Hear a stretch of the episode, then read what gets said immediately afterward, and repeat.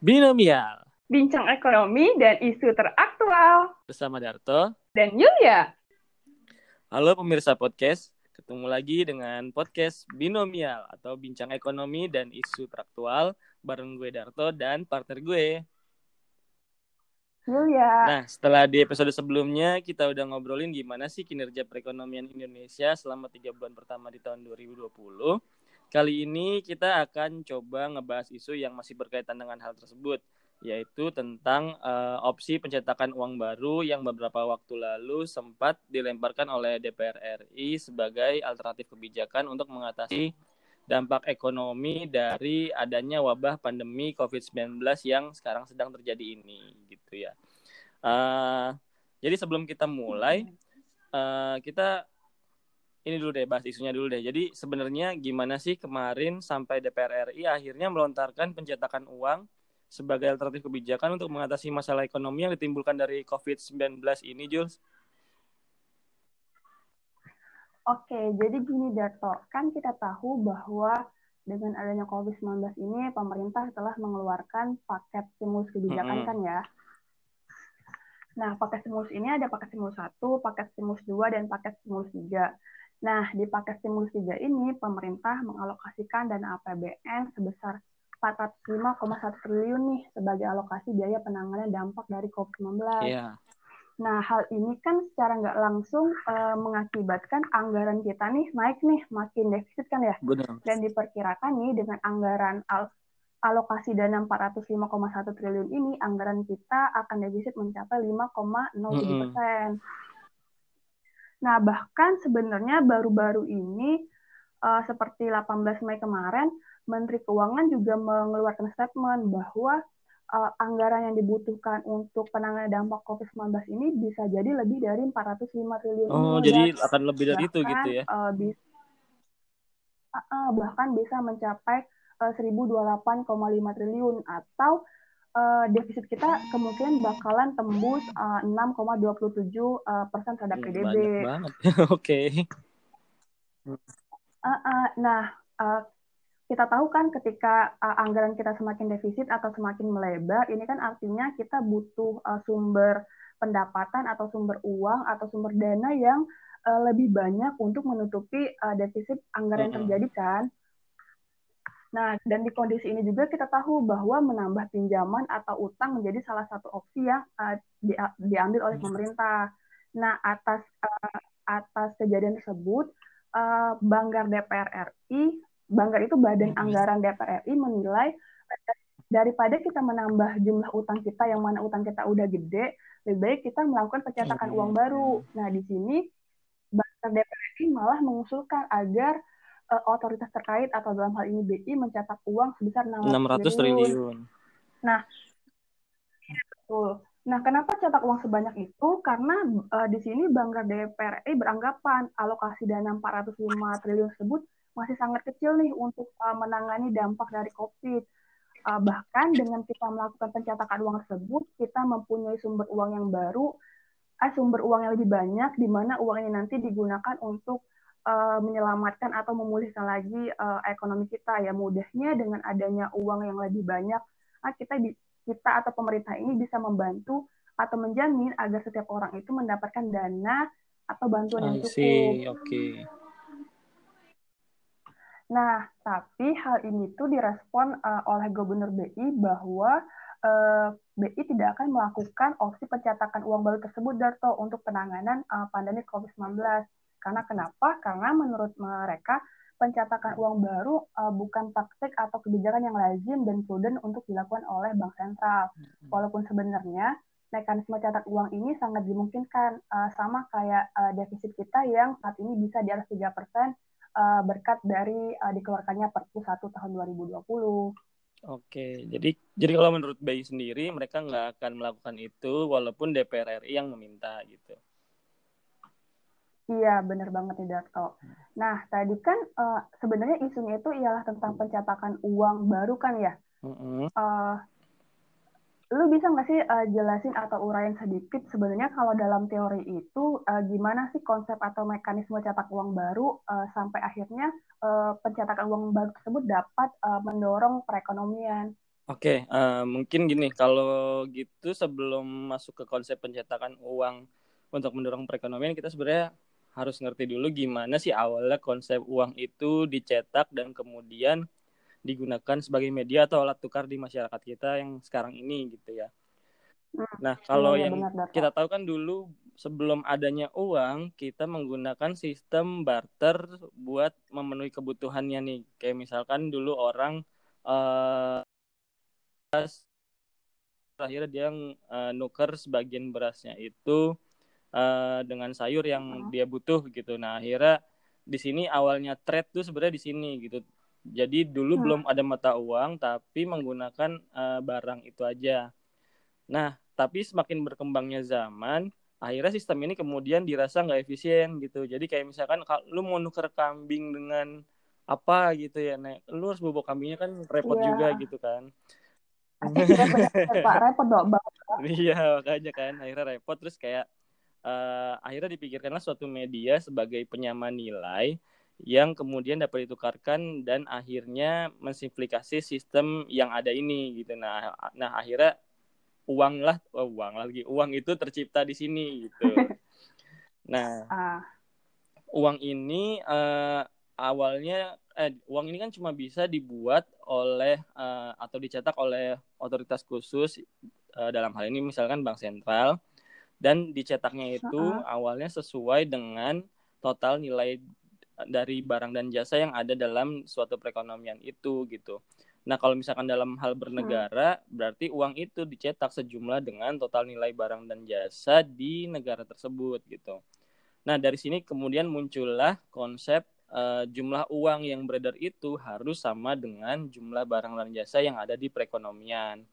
Nah, uh, pencetakan yeah. uang baru ini harus diimbangi dengan output pada perekonomian yang meningkat pula. Jadi kalau uangnya nambah, harusnya output yang ada di uh, perekonomian ya harus nambah juga gitu. Karena tadi ah, konsepnya ah, di awal uang ini cuma sebagai uh, alat tukar gitu. Jadi sebenarnya hmm. yang ditukar sebenarnya adalah barang ini kan kemampuan untuk ngambil barang itu gitu nah, nah ditransfer via uang ini gitu jadi kalau uangnya hmm. naik harusnya barang dan jasanya juga naik gitu sehingga kalau jadi kalau misalkan uh, dia dicetak nilai uang yang dicetak itu akan tetap sama dengan jumlah barang dan jasa yang ada dalam suatu perekonomian nah kalau misalkan bank sentral itu yeah. nyetak uang baru kan jumlah uang yang beredar di masyarakat akan meningkat Nah, dengan kondisi tersebut diasumsikan ya, maka daya beli masyarakat juga meningkat sehingga mendorong permintaan terhadap barang dan jasa juga meningkat.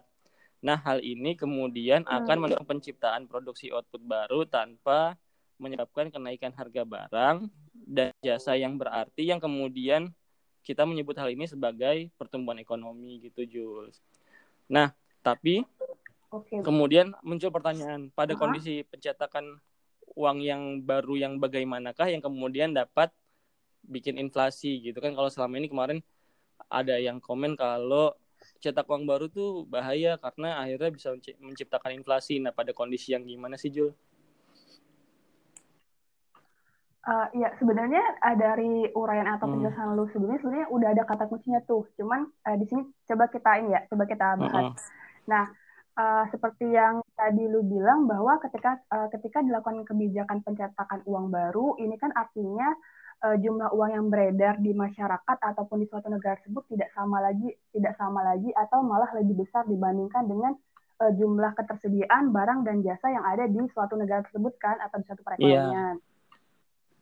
Nah, hal ini kenapa? Karena uh, dengan jumlah uang yang beredar yang semakin banyak, ini kan intinya uang tersebut mudah didapat. Ketika mudah didapat, bisa kita artikan bahwa masyarakat itu memegang uang yang lebih banyak juga. Kemudian, ini mendorong masyarakat tuh punya apa ya keinginan untuk membeli suatu barang yang lebih tinggi karena mereka uh, daya belinya tinggi kan. Nah, karena inilah terjadilah kenaikan harga barang uh, dan jasa. Oke. Okay. Sebenarnya. Uh, uh, nah, sebenarnya tuh uh, di kondisi ini kita tuh uh, kita tuh mengalami apa ya uh, nilai nilai uang kita tuh sebenarnya mengalami penurunan. Uh, simpelnya gini nih, ketika ketika uh, kita ingin membeli mie instan yang harganya seribu, yang awalnya seribu, kemudian dilakukanlah kebijakan pencetakan uang uh, baru, yang mana masyarakat mempunyai uang yang lebih banyak, keinginan dia untuk membeli pun lebih tinggi, maka harga harga dari mie tersebut pun akan naik iya, kan.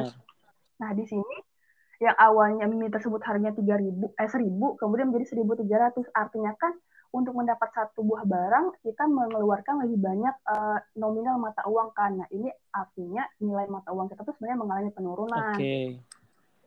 Nah, tapi karena adanya uh, karena adanya atau terjadi kenaikan harga tersebut dan apabila uh, kenaikan harga tersebut dialami atau uh, di uh, terjadi di seluruh uh, komoditas barang dan jasa dan terjadi dalam jangka waktu yang menerus, maka ini nih yang yang disebut dengan terjadinya inflasi. Oke. Okay akhirnya muncul inflasinya di sini nah, gitu jadi ya. Sebenarnya, iya benar karena harga barang uh, dan jasa tersebut uh, terus mengalami kenaikan uh, dan ini terjadi di seluruh komoditas gitu kan. Nah inilah yang disebut dengan konsep inflasi. Nah sebenarnya di sini kita bisa ambil kesimpulan nih bahwa uh, ketika dilakukan pencetakan uang baru, namun tanpa diimbangi dengan peningkatan output ataupun uh, ketersediaan barang dan barang dan jasa yang ada di dalam perekonomian, maka uang tersebut yang pertama akan kehilangan nilainya karena uh, nilainya itu lebih turun. Yang kedua terjadilah inflasi atau kenaikan harga yang tinggi uh, secara terus menerus. Okay. Jadi dampaknya dua itu. Nah, mm-hmm. Iya benar. Nah kita tahu kan kalau di kondisi saat ini atau di kondisi pandemi ini perekonomian kita tumbuhnya lebih lambat atau bahkan uh, beberapa negara uh, itu mengalami kontraksi dan pertumbuhan yes. kan. Nah uh, di kondisi ini uh, sebenarnya kita tuh uh, mengetahui bahwa uh, output yang diproduksi di suatu negara atau di perekonomian itu pasti mengalami penurunan kan.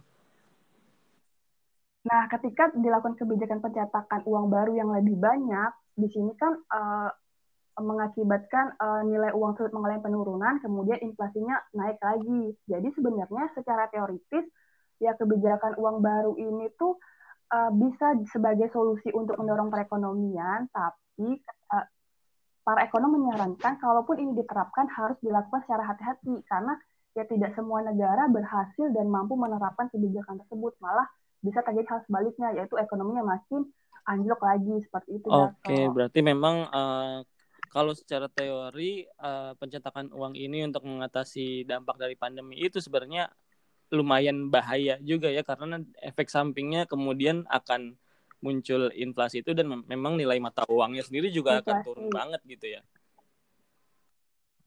Iya benar banget Dato. Karena kan uh, seperti yang lu jelasin di awal tadi, ya konsep ini bisa mendorong pertumbuhan ekonomi ketika istilahnya itu terjadi keseimbangan jumlah uang yang beredar meningkat, output output pun juga meningkat karena itu tuh kata kuncinya. Oke okay, oke. Okay.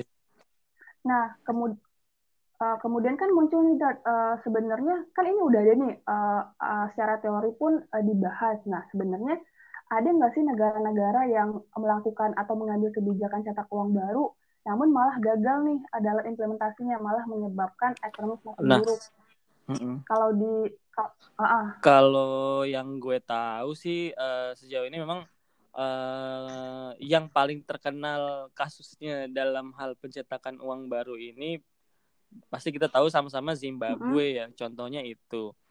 Uh, ya kalau dulu yeah. memang Zimbabwe ini kan yang yang dulu kan Zimbabwe ini kan baru merdeka di tahun 1980-an nah habis merdeka mereka uh -huh. akhirnya pakai mata uang dolar Zimbabwe dari yang sebelumnya mereka pakai mata uang itu Rhodesian dolar.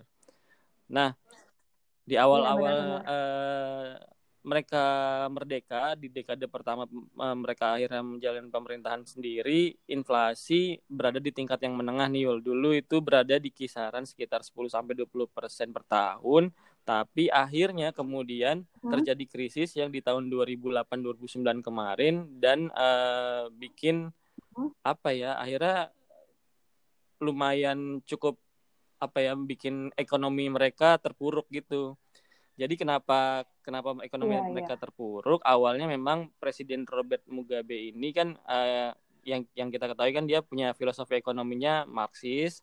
Terus uh, salah satu tujuan iya, dari yeah, Uh, pemerintahannya dia ini adalah mendistribusikan kemakmuran ke semua rakyatnya.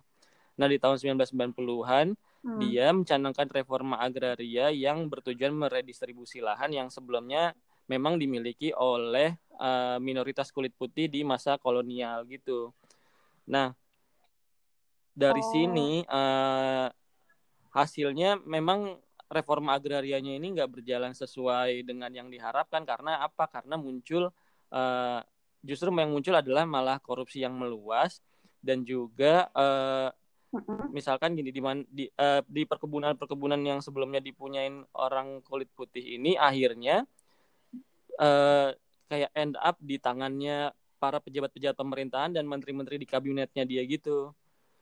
Nah akhirnya kan eh, jadi yang Oh. sebelumnya eh, kebun ini produktif, tapi ketika di reforma agraria dibagi-bagikan dan akhirnya tapi malah dikorupsi ini kan akhirnya eh, lahan-lahan yang sebelumnya dimiliki oleh orang kulit putih ini tidak termanfaatkan. Akhirnya ini membuat juga output di sektor pertanian mereka turun gitu. Nah di tahun 2008 sendiri iya. eh, memang ekonomi Zimbabwe sangat terpuruk.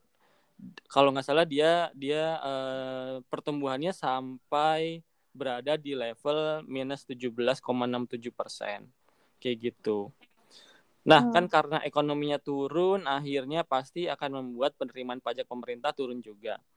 Nah, pemerintah Zimbabwe ini karena Iya. penerimaannya turun, dia ngerespon dengan kebijakan eh, mencetak uang baru.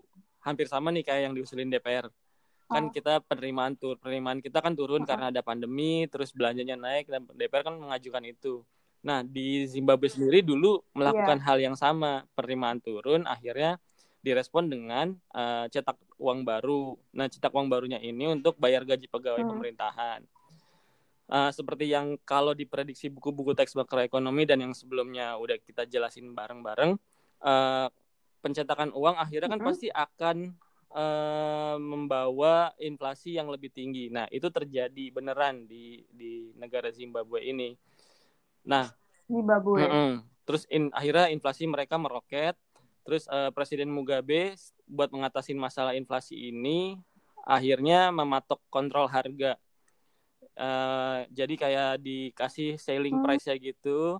Jadi orang nggak boleh ngejual di lebih dari harga segini kayak gitu.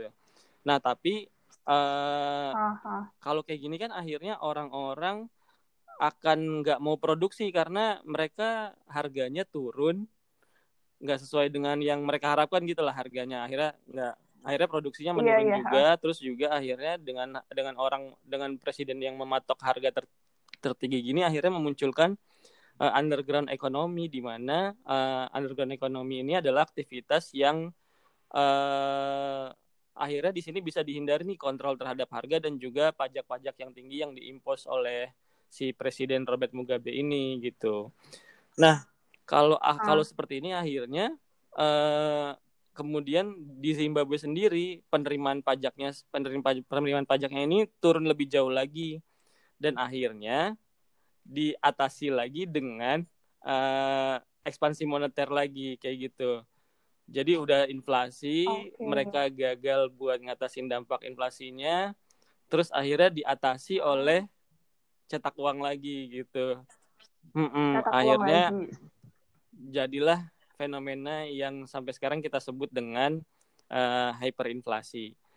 Nah, di Zimbabwe Oke. itu eh, pada kondisi hyperinflasinya yang itu ya, eh, dia dia bisa saat di harga-harga itu bisa naik dua kali lipat dalam 24 jam. Jadi kalau misalkan kita sekarang eh, beli makan harga 15.000 eh, dalam 24 Ah. jam itu bisa jadi sekitar berapa tuh dua kali lipatnya lima belas ribu iya sekitar 45. segitu lah ya tiba Lima puluh ribu.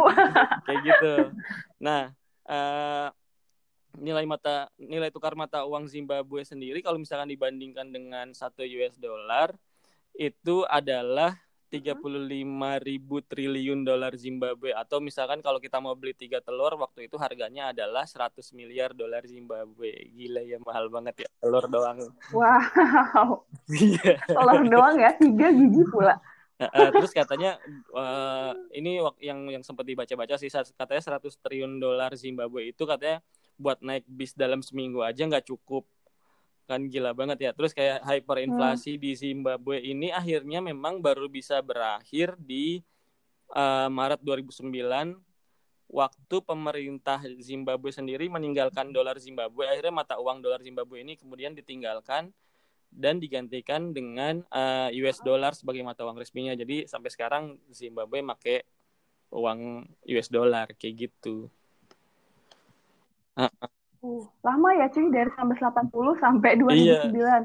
mereka mengalami uh, kejadian mm -mm, makanya kayak struggling di awal kemerdekaan terus di akhirnya ya kena hyperinflasi di tahun-tahun segitu tuh kayak wow gitu kayak uang uang tuh nggak ada harganya yeah. banget gitu di Zimbabwe gitu.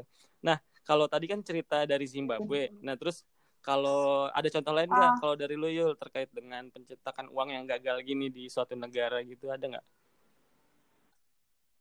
Uh, ya sebenarnya sama nih cerita, hampir mirip dengan cerita yang terjadi di Zimbabwe nih Dart. Jadi uh, negara yang pernah melakukan pencetakan uang juga yang kemudian gagal itu contohnya Hungaria. Nah, Hungaria ini merupakan negara di kawasan Eropa dan dia kalah waktu Perang Dunia mm -hmm. Satu nih. Ya, atau sekitar tahun 1945 atau 1946 yeah. lah ya. Nah, sebagai negara yang kalah perang kan otomatis uh, kondisi perekonomian di negara tersebut kan pasti lumpuh kan ya, nggak ada aktivitas ekonomi. Belum lagi pasti pemerintah dihadapkan pada uh, anggaran yang semakin defisit atau semakin uh, melebar lah ya. Nah, akhirnya dalam kondisi tersebut uh, pemerintah pun mengambil kebijakan pencetakan uang nih untuk menutupi defisit anggaran sama untuk menggerakkan ekonomi okay. kembali.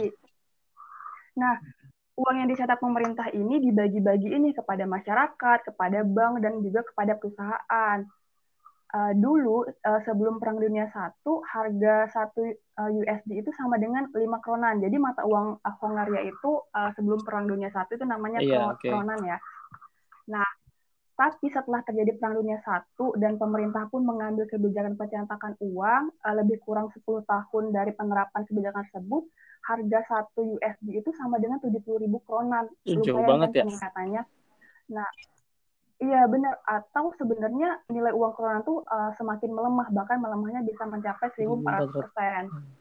Nah, dan fatalnya lagi itu uh, ketika perang ketika setelah perang dunia satu mereka melakukan kebijakan pencetakan uang yang membuat nilai uh, mata uangnya semakin melemah, malah uh, kebijakannya terus berlanjut nih hingga perang dunia dua. Tapi di kondisi ini mata uang Hungaria ini telah berubah dari krona menjadi peng atau oh, akhirnya mereka ngubah mata uangnya nah, gitu, tapi tetap kayak gitu ya? Iya, uh, tapi tetap tetap terjadi kayak gitu karena uh, ketika pemerintah ini mencetak uang, uang ini kembali lagi nih dibagi-bagiin kepada masyarakat, perusahaan atau bank ya. Artinya atau mudahnya itu ya pem, uh, masyarakat tuh dibanjiri uang oleh pemerintah. Sebenarnya tujuannya tuh baik ya uh, berharap agar ekonominya dapat bangkit lagi. Tapi yang tadi malah hal sebaliknya yaitu terjadi inflasi yang okay. sangat tinggi.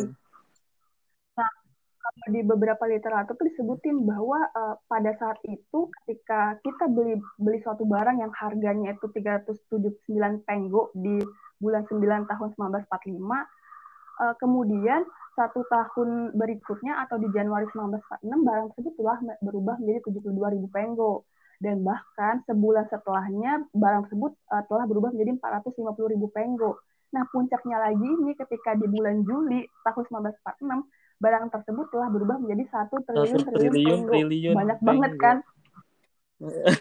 iya, benar. Jadi apa ya? Dalam waktu singkat, ya bisa dibilang cuma dalam waktu lima bulan, satu barang yang tadinya lu beli dengan harga 379 penggo, sekarang berubah jadi satu triliun triliun penggo. Iya, lu mesti ngebawa uang segerobak buat mendapatkan satu iya, buah iya, barang. Iya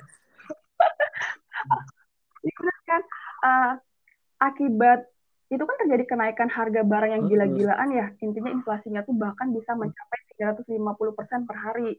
Nah, karena terjadi inflasi, di satu sisi uh, uh, juga berdampak buruk nih pada para tenaga kerja karena uh, dengan adanya keadaan tersebut, tenaga kerja ini harus melakukan negosiasi gaji setiap hari. Bayangin lu melakukan negosiasi gaji setiap hari kapan iya, kerjanya gitu ya, kan ya. Hari nyesuaiin gaji mulu ya. Karena ya gitu tadi ketika nggak melakukan penyesuaian gaji ya uang yang lu dapat dari gaji tersebut ya bakal tergerus hmm, sama jadi kayak nggak ada harganya gaji lu juga gitu, gitu ya? iya benar. Makanya mesti negosiasi hmm, gaji tiap okay. hari. Nah tadi uh, itu negara yang gagal. Dua negara contoh dua negara gagal. Tapi apa hmm. apa ada ada nggak sih kalau misalkan di di dunia ini ada nggak negara yang memang uh, berhasil buat nerapin kebijakan cetak uang terus ekonominya bisa bangkit yuk Kalau kita baca di beberapa literatur, sebenarnya ada negara yang berhasil menerapkan kebijakan cetak uang, kemudian ekonominya bangkit. Tapi di sini perlu digaris bawahi ya, karena mencetak uang yang mereka lakukan ini bukan dalam artian mencetak uang baru atau istilahnya membanjiri masyarakat dengan uang, tapi di sini pemerintah itu menerapkan kebijakan penambahan likuiditas. Nah, penambahan likuiditas ini dilakukan di sektor keuangan. Nah, sekarang kita mengenalnya dengan kebijakan pelonggaran kuantitatif atau indeksi likuiditas atau kuantitatif oh, jadi juga. bukan memang literally cetak uang baru tapi ini hal yang beda gitu dari itu iya. gitu ya Iya benar, tapi term cetak uang ini masih diasosiasikan sama dengan uh, kebijakan kuantitatif easing. Tapi kita perlu memahami yang mereka maksud dengan cetak uang baru ini apa nih? Apakah benar-benar literally cetak uang baru atau melakukan uh, penambahan likuiditas? Itu sih yang Oke. Nah, itu negara apa tuh yang menerapin uh, penambahan likuiditas atau kuantitatif atau kuantitatif easing itu, Jung? Nah, uh, sampai sekarang pun uh, sebenarnya banyak negara yang uh, melakukannya Darto mulai dari Jepang, uh, Eropa, bahkan Amerika Serikat. Nah, Jepang sendiri pun merupakan negara yang pertama kali melakukan kebijakan kuantitatif easing di mana saat itu mereka mengalami hmm. resesi. Tapi di sini uh, kita coba bahas uh, di Amerika Serikat kali ya karena Amerika Serikat pun sampai hari ini Oh, sampai hari ini dia ngelakuin itu. itu. Iya, betul. Jadi uh, Amerika ini menerapkan kebijakan cetak uang atau quantitative easing ini uh, dimulainya pada tahun 2008 di mana saat itu Amerika ataupun kita semua sedang mengalami krisis keuangan ya atau kita kenal dengan subprime mm -hmm. mortgage kan. Nah, di sini untuk mengatasi masalah keuangan yang ada, maka uh, pemerintahan Amerika pun melakukan kebijakan kuantitatif easing. Nah, kuantitatif easingnya pun dilakukan secara bertahap, dimulai tahun 2008 hingga tahun 2013. Lima tahun ya? Kali. Nah, iya benar dalam waktu lima tahun. Nah, tahap pertama itu uh, quantitative easing, ya, kita sebutnya aja kali ya. Iya benar pada tahap pertama QE ini dilakuin di bulan November 2008 sampai tahun 2010. Nah, di sini uh, the Fed atau pemerintahnya membeli uh, surat-surat berharga yang ada di pasaran dan totalnya bisa mencapai uh, 1.650 triliun dolar. Nah, tapi di, di QE tahap pertama ini belum menunjukkan hasil yang uh, bisa me, membangkitkan lagi ekonomi Amerika nih dan akhirnya dilanjutkanlah pada kebijakan QE tahap okay. 2 Nah, di tahap 2 ini dilakukan di bulan uh, eh, di November 2010 hingga Juni 2011 uh, mm -hmm. tahun lah ya. Di sini pemerintah juga melakukannya secara bertahap. Uh, mereka menggelontorkan uang atau menginjeksi likuiditas dari 40 miliar dolar hingga 85 miliar dolar. Tapi di tahap 2 juga belum berhasil. Akhirnya mereka melanjutkan lagi di tahap 3. Nah, di tahap 3 ini uh, kebijakan itu pun akhirnya uh, berdampak baik pada perekonomian Amerika Serikat. Karena angka pengangguran turun, sektor utama di sana yaitu sektor properti pun mulai bangkit lagi nih. Dan aktivitas konsumsi dan investasi pemerintah pun berjalan dengan baik. Oke, akhirnya setelah tiga kali nah, itu ya diinjek. Uh, uh, kan ketika melakukan injeksi likuiditas dan akhirnya berhasil membangkitkan lagi perekonomian, di sini pemerintah uh, Amerika khawatir kan apakah uang ini akan menem, uh, berdampak sebaliknya lagi nih kalau, kalau terus dilanjutkan. Hmm. Akhirnya pemerintah pun uh, menerapkan kebijakan istilahnya menyedot likuiditas itu atau uh, quantitative tightening. Oh, jadi sebelumnya digelontorkan nah, ditarik lagi kalau gitu. tadi Iya benar, kalau tadi dia menyemprot likuiditas dengan uh, istilahnya membeli surat berharga, akhirnya di kebijakan yang uh, uh, penarikan likuiditas ini mereka uh, menju uh, apa ya me, menjual lagi uh, surat berharga tersebut. Nah, baru-baru ini bahkan uh, uh, atau di masa pandemi ini bahkan uh, Bank Sentral Amerika Serikat ini mengumumkan bahwa mereka akan kembali melakukan kebijakan QE, artinya mereka akan menyuntik lagi likuiditas ke pasaran. Ini dilakuin dengan uh, cara uh, pemerintah akan membeli lagi surat utang yang ada yang yang sa sampai saat ini itu diperkirakan akan mencapai 60 miliar uh, dolar per bulan dan ini malah belum ditentukan batas waktunya uh, kapan akan uh, berakhir gitu loh. Jadi masih unlimited nih kebijakan QE yang akan diterapkan hmm, di Jadi mereka akan beli surat utang 60 miliar per bulan tapi belum tahu sampai kapan gitu ya. Iya betul. Jadi masih unlimited bisa di, bisa saja dilakukan dalam jangka waktu yang iya, panjang. banyak kan juga ya. Nah, iya benar banget. Nah, kita uh, nah sebenarnya tuh Indonesia itu kalau nggak salah juga pernah nih Darto melakukan kebijakan cetak uang yang benar-benar Oh, mencetak iya, iya. uang dalam artian menambah jumlah yang beredar dalam artian menambah jumlah uang yang beredar kan dan malah hal ini kalau nggak salah berdampak negatif nih pada perekonomian kita yaitu terjadinya sifat inflasi Uh, bener nggak sih Dar? Uh, bisa Ah, diurain nggak? ah, ya benar-benar. Jadi gini, mungkin ini ini zaman dulu sih dan kita semua kayaknya belum lahir deh. Tapi kalau misalkan tapi kalau misalkan kita baca-baca dari kayak sejarah perekonomian bangsa kita sebenarnya dulu memang kita pernah eh, melakukan kebijakan cetak uang ini gitu. Jadi di tahun tahunnya tahun Oh. 1960-an lah, tahun 1960-an eh, itu kalau nggak salah di akhir-akhir apa namanya eh, periode pemerintahannya Presiden Soekarno ya. Nah di situ kondisi ekonomi Indonesia Iya memang betul. Eh, lagi nggak bagus atau bisa dibilang ya buruk lah gitu ya. Di di situ di situ posisinya pendapatan ekspor kita turun. Pen- kalau misalkan pendapatan ekspor turun kan otomatis devisanya juga turun ya. Nah devisa yang turun ini dari sektor perkebunan. Nah terus eh, dengan devisa yang turun ini dulu kita juga utangnya banyak gitu. Kenapa utang kita banyak? Karena pada waktu itu Indonesia juga eh, lagi dalam proses pembangunan mega proyek. Kalau misalkan yang kita tahu yang sampai sekarang bisa kita lihat hasilnya adalah Monas tuh. Nah itu dulu masuk mega proyek pemerintah. Oke. Terus habis itu eh, dulu juga pemerintah lagi gencar-gencarnya melakukan gerakan-gerakan politik kayak misalkan yang yang kalau kita pernah dengar yang Ganyang Malaysia, Ganyang Malaysia itu. Terus ada pembebasan Irian Barat yang monumennya ada di lapangan Banteng tuh depan itu.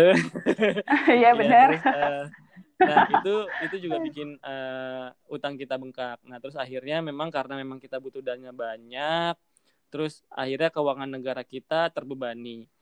Eh, tercatat memang defisit anggaran pemerintah pada tahun itu, misalkan di tahun 1961 aja kita defisitnya udah sampai 29,7 persen. Jauh banget dari misalkan kalau misalnya kita pakai acuan aturan tahun Wow. eh yang sekarang-sekarang inilah ya, yang yang maksimal 3 persen itu kan ini jauh banget ya. Tiga persen. Mm-mm, terus di tahun 1962 kita defisit 38,7. Puncaknya memang di 1965 kita defisitnya ada di angka 63,4 persen. Banyak banget. Mm-mm. Wow, Dan gede ini ini dari. PDB ya. Jadi 6,63,4 persen Iya. dari PDB itu gila banyak banget. Terus akhirnya untuk mengatasi defisit ini pemerintah mengambil kebijakan buat cetak uang eh, untuk mengatasi defisit ini sama membiayai proyek-proyek yang lagi berlangsung dan juga bayar utangnya itu gitu. Nah, karena kondisi ekonomi yang jelek, terus kondisi politik juga nggak kondusif kan pada waktu itu kayak ada pemberontakan dan lain-lain itu, akhirnya berujung pada yang memang eh, inflasi di tahun itu sangat tinggi gitu. Ada sebuah buku yang judulnya The Indonesian Economy Facing a New Era di tahun 1966 karyanya Pang Lei Kim dan Arndt disebutin bahwa tingkat inflasi di situ eh, lebih tinggi daripada jumlah uang yang beredar. Pada tahun 1961, peredaran uang meningkat 41 persen dan laju inflasinya dari peredaran uang yang meningkat 41 persen itu adalah 156 persen. Terus eh, kemudian itu akhirnya parah dari tahun ke tahun itu jadi semakin parah dan puncaknya di 1965 itu sendiri peredaran uang meningkat 161 persen. Inflasinya coba tebak Ah. berapa? 592 persen. Oh itu angka yang gila banget. Persen inflasi kalau sekarang udah jadi apa ya? Kayaknya Iya, nggak dapat makanya apa-apa kan. ya. Eh, nah, kalau yang misalkan eh, kalau yang dirilis media kemarin kan BI dan Kementerian Keuangan ini berarti kan udah udah akan nolak nih yang tadi yang di awal jelasin kita di awal-awal kan akan nolak. Iya benar. Nah, ah. Tapi kemarin eh, gue dengar katanya BI sendiri akan melakukan eh, kuantitatif quantitative easing sebagai langkah pemulihan ekonomi. Apakah langkahnya ini sama dengan yang dilakukan tadi eh, yang dijelasin Amerika itu atau gimana nih Jo? Oh iya benar Darto. Jadi kan eh, untuk posisi saat eh, ini DP, eh, usulan DPR RI itu benar-benar direspon negatif oleh oleh Bank Sentral kita maupun dari Kementerian Mm-mm. Keuangan kan. Dan di sini mereka eh, mengambil atau eh, mengambil langkah untuk menerapkan quantitative easing yang secara nggak langsung hampir mirip dengan yang dilakukan oleh Amerika Oke. tadi. Nah, uh, kita tahu kan bahwa salah satu kewenangan BI itu ya ialah melakukan pencetakan uang. Tapi di sini perlu kita ingat lagi uang yang dicetak itu ya sama dengan kebutuhan yang yeah. ada di iya. masyarakat. Itu jadi uh, uh, uang yang beredar atau dicetak tersebut harus sama kan dengan uh, dengan ketersediaan barang ataupun jasa yang ada di di suatu perekonomian. Artinya tetap terjadi keseimbangan. Nah, kita sendiri juga tahu kan bahwa kita mengenal uh, setidaknya kita mengenal dua tipe uang yaitu uang kartal dan uang giral. Ya uang kartal itu uang yang ada di dompet kita sekarang nih kayak uang kertas okay. dan uang logam. Nah uang ini uh, benar-benar dikontrol oleh BI dalam artian pencetakan, pengedaran ataupun pemusnahannya ada di bawah otoritas BI. Nah sedangkan uang giral ini contohnya itu kayak deposito, tabungan, uh, cek dan lainnya. Nah ini uh, bisa diterbitkan atau dikeluarkan oleh BI. Okay. Nah, kan di sini kita mengenal uh, dua tipe uang ya. Nah, mana yang mana peredaran dua tipe uang ini, ini uh, memiliki mekanisme yang berbeda. Yang pertama, tadi kan uh, uang kartal nih atau uang kertas dan logam. Nah, di sini itu uh, Bank Indonesia pun mencetak sesuai dengan kebutuhan yang ada di masyarakat kan. Pokoknya uh, intinya itu harus okay. keseimbangan.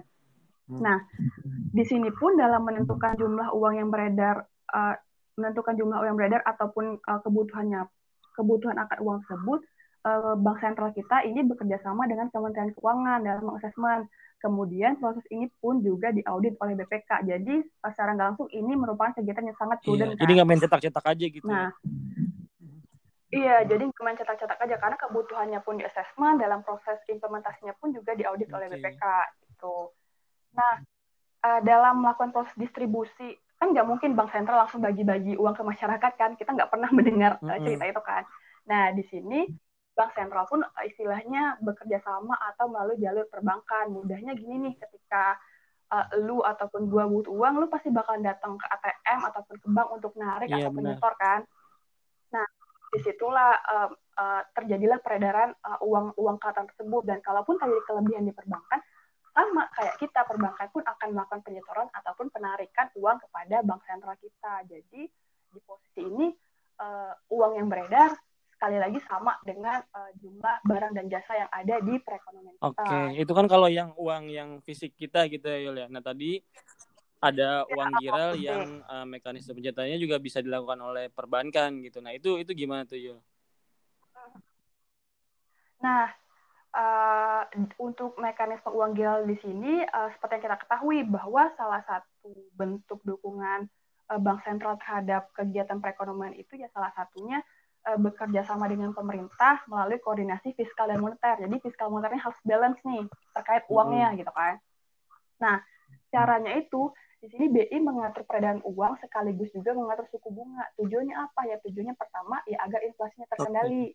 Nah, di sini instrumen yang instrumen yang dimiliki BI itu selain suku bunga tadi, dia melakukan juga kegiatan operasi moneter. Nah, operasi moneter ini tujuannya agar sekali lagi likuiditas ini berada di likuiditas yang ada di pasar di pasaran ataupun yang ada di perbankan ini tercukupi sehingga inflasi pun menjadi stabil dan nilai tukar rupiah pun menjadi stabil Darto. Jadi kalau di uang kartal kita mendengar istilahnya pencetakan hmm. uang, tapi kalau untuk uang giral itu kita mendengar istilahnya likuiditas itu ya. Hmm. Oke. Okay.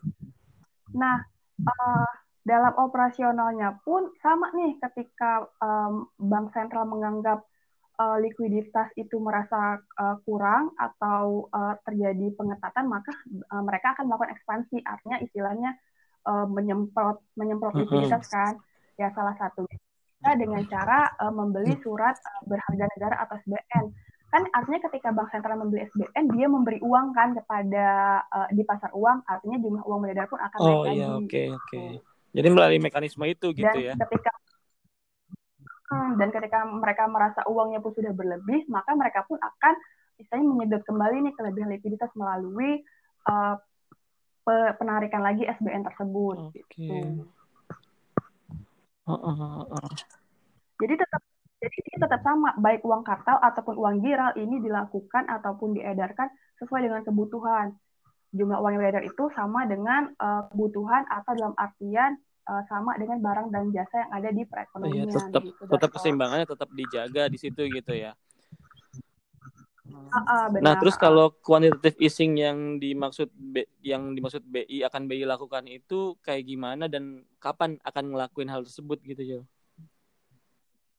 Nah, sebenarnya kalau kita lihat rilis dari liris ataupun press conference dari Bank Indonesia, mereka pun telah melakukan kebijakan quantitative easing ataupun QE ini uh, ketika pandemi ini uh, telah menerpa kita kan ya.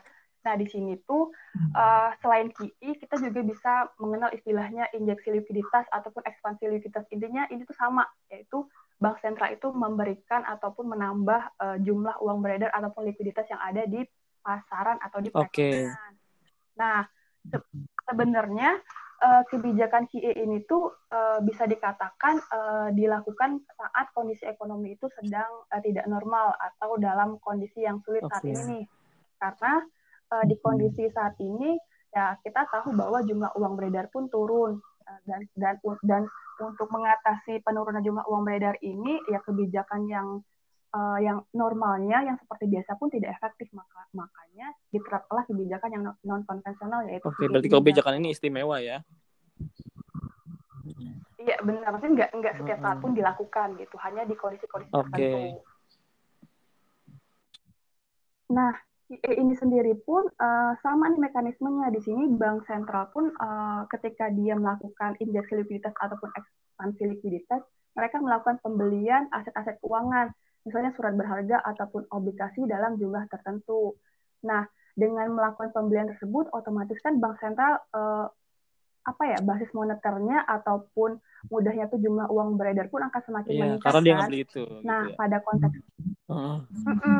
Nah, pada kon uh, melalui QE ini atau melalui penyuntikan likuiditas ini uh, ketika jumlah uang yang beredar apa ya uang yang beredar ini uh, bertambah di sini dalam artian BI itu juga mencegah agar perbankan ini tidak mengalami kesulitan nih karena dengan dia menambah jumlah uang yang beredar yang ada di pasar keuangan atau perbankan maka perbankan pun dapat menyalurkan lagi uang tersebut kepada masyarakat yang harapannya ekonomi pun dapat jalan lagi.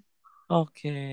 Nah, uh, sama nih kayak yang uh, uang gila QE pun dilakukan dengan mekanisme OPT atau operasi pasar terbuka terbuka melalui operasi moneter. Mm-hmm. Nah, kita juga mengenal nih uh, apa yang namanya QISBN ya. Sama lagi QI itu mm-hmm. ya kegiatan ekspansi moneter atau injeksi likuiditas yang dilakukan melalui pembelian SBN.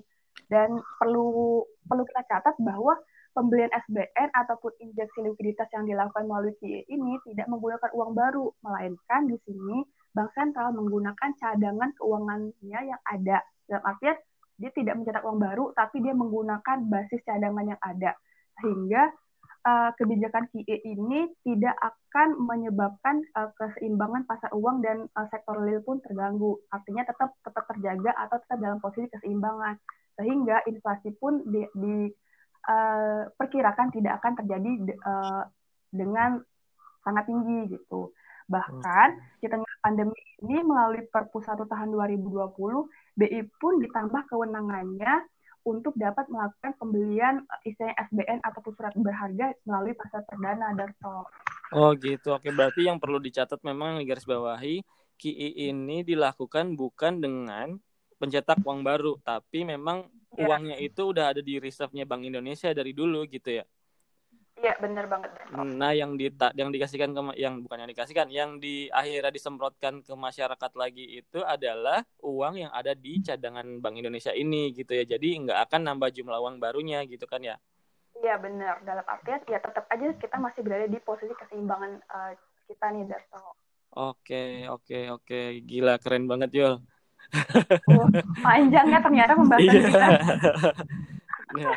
uh, Oke, okay, kita simpulin dulu. Kalau misalkan dari diskusi kita tadi, uh, kita simpulin sekalian kita tutup kali ya di sini ya. Uh, jadi uh, memang walaupun diusul, diusulkan oleh DPR, uh, pencetakan uang tidak akan dilakukan oleh Bank Indonesia uh, karena memang pencetakan uang ini uh, agak berisiko dan Bank Indonesia sendiri sudah memiliki mekanisme penyelamatannya sendiri yaitu lewat kuantitatif easing ini gitu ya. Iya benar. Uh, uh, nah Bank Sentral ini memang uh, punya tujuan menjaga nilai mata uang baik secara internal yang berupa uh, menjaga inflasi dan secara eksternal berupa uh, menjaga nilai tukar rupiah terhadap mata uang asing. Jadi uh, kebijakan cetak uang baru ini sepertinya uh, tidak dilakukan dan bank sentral tetap akan berhati-hati dalam menjaga nilai rupiah gitu kan ya. Akhirnya iya, memang ya, uh, yang dilakukan adalah quantitative easing itu tadi gitu ya. Nah, beberapa waktu lalu uh, pemerintah melalui Kementerian Keuangan telah mengumumkan stimulus untuk mengatasi dampak uh, dari COVID-19 sebesar 405,1 triliun dan akan menyebabkan anggaran pemerintah ini juga defisit di 5,07 persen dari PDB. Nah, dengan uh, bertambahnya alokasi uang yang akan digelontorkan pemerintah, maka BI juga tadi ma, uh, dia akan mencoba lindungi nilai uang rupiah kita agar tetap terjaga di tengah stimulus yang uh, udah digelontorkan pemerintah gitu. Jadi yeah. Iya. uh, sinkron nih jalannya pemerintah ngasih stimulus, ngasih uang ke masyarakat dan BI ngejaga nilai nilai uang yang dikasih ke masyarakat itu supaya nggak anjlok gitu kan ya. Iya, benar banget Darto. Nah, oke. Okay. Berarti sinergi antara otoritas moneter dan fiskal di sini memang uh, sangat penting supaya uh, di tengah-tengah kondisi perekonomian yang melambat ini kita tidak terus-terusan terbawa arus menjadi apa ya perekonomian kita kayak terperosok gitu lah ya. Iya, iya benar banget. Panjang juga ya Darto pembahasannya. Iya benar-benar. Ya baiklah, oke okay, uh, guys atau pendengar podcast itu tadi pembahasan kita di episode kedua kali ini yang ngebahas tentang isu pencetakan uang. Terima kasih karena sudah menyimak podcast kami. Kalau belum dengar episode pertama, di mana kami mengulas kinerja perekonomian Indonesia selama triwulan 1 tahun 2020, kalian bisa juga nih dengerin melalui podcast kita, yaitu Binomial. Dan ya, uh, kalau kalau kalian mau kontak kita berdua nih, kalian kalian bisa juga nih reach kita ke Instagram untuk Darto bisa di @shnDRT dan untuk gue Yulia iya. kita y u Iya, at, at SHNDRT dan at Yulia iya, Aryani. Ya, betul gitu. banget. Biar kita bisa promo dikit lah ya. Ya kita eh kalau ada yang mau diskusi boleh dihubungin aja nggak iya, apa-apa. Ya, betul. Uh, uh, ya sering-sering ilmu kan nggak ada salahnya ya, benar, ya menambah teman menambah ilmu. Iya benar. Nah oke okay. uh, kalau gitu kita tutup dulu. Uh -huh. Uh, nah, sebelum kita tutup, nggak nggak bosan-bosannya juga kita ingetin untuk uh, stay safe teman-teman, stay healthy, uh, terus hindari kerumunan, pakai masker, rajin cuci tangan, dan yang utama jaga jarak karena uh, pandemi ini sebenarnya belum yeah. berlalu, jadi tetap hati-hati di luar sana. Kalau bisa di rumah aja ya di rumah yeah, aja betul. dulu gitu ya. Nah, oke okay, sampai ketemu di episode selanjutnya. Bye. Dadah.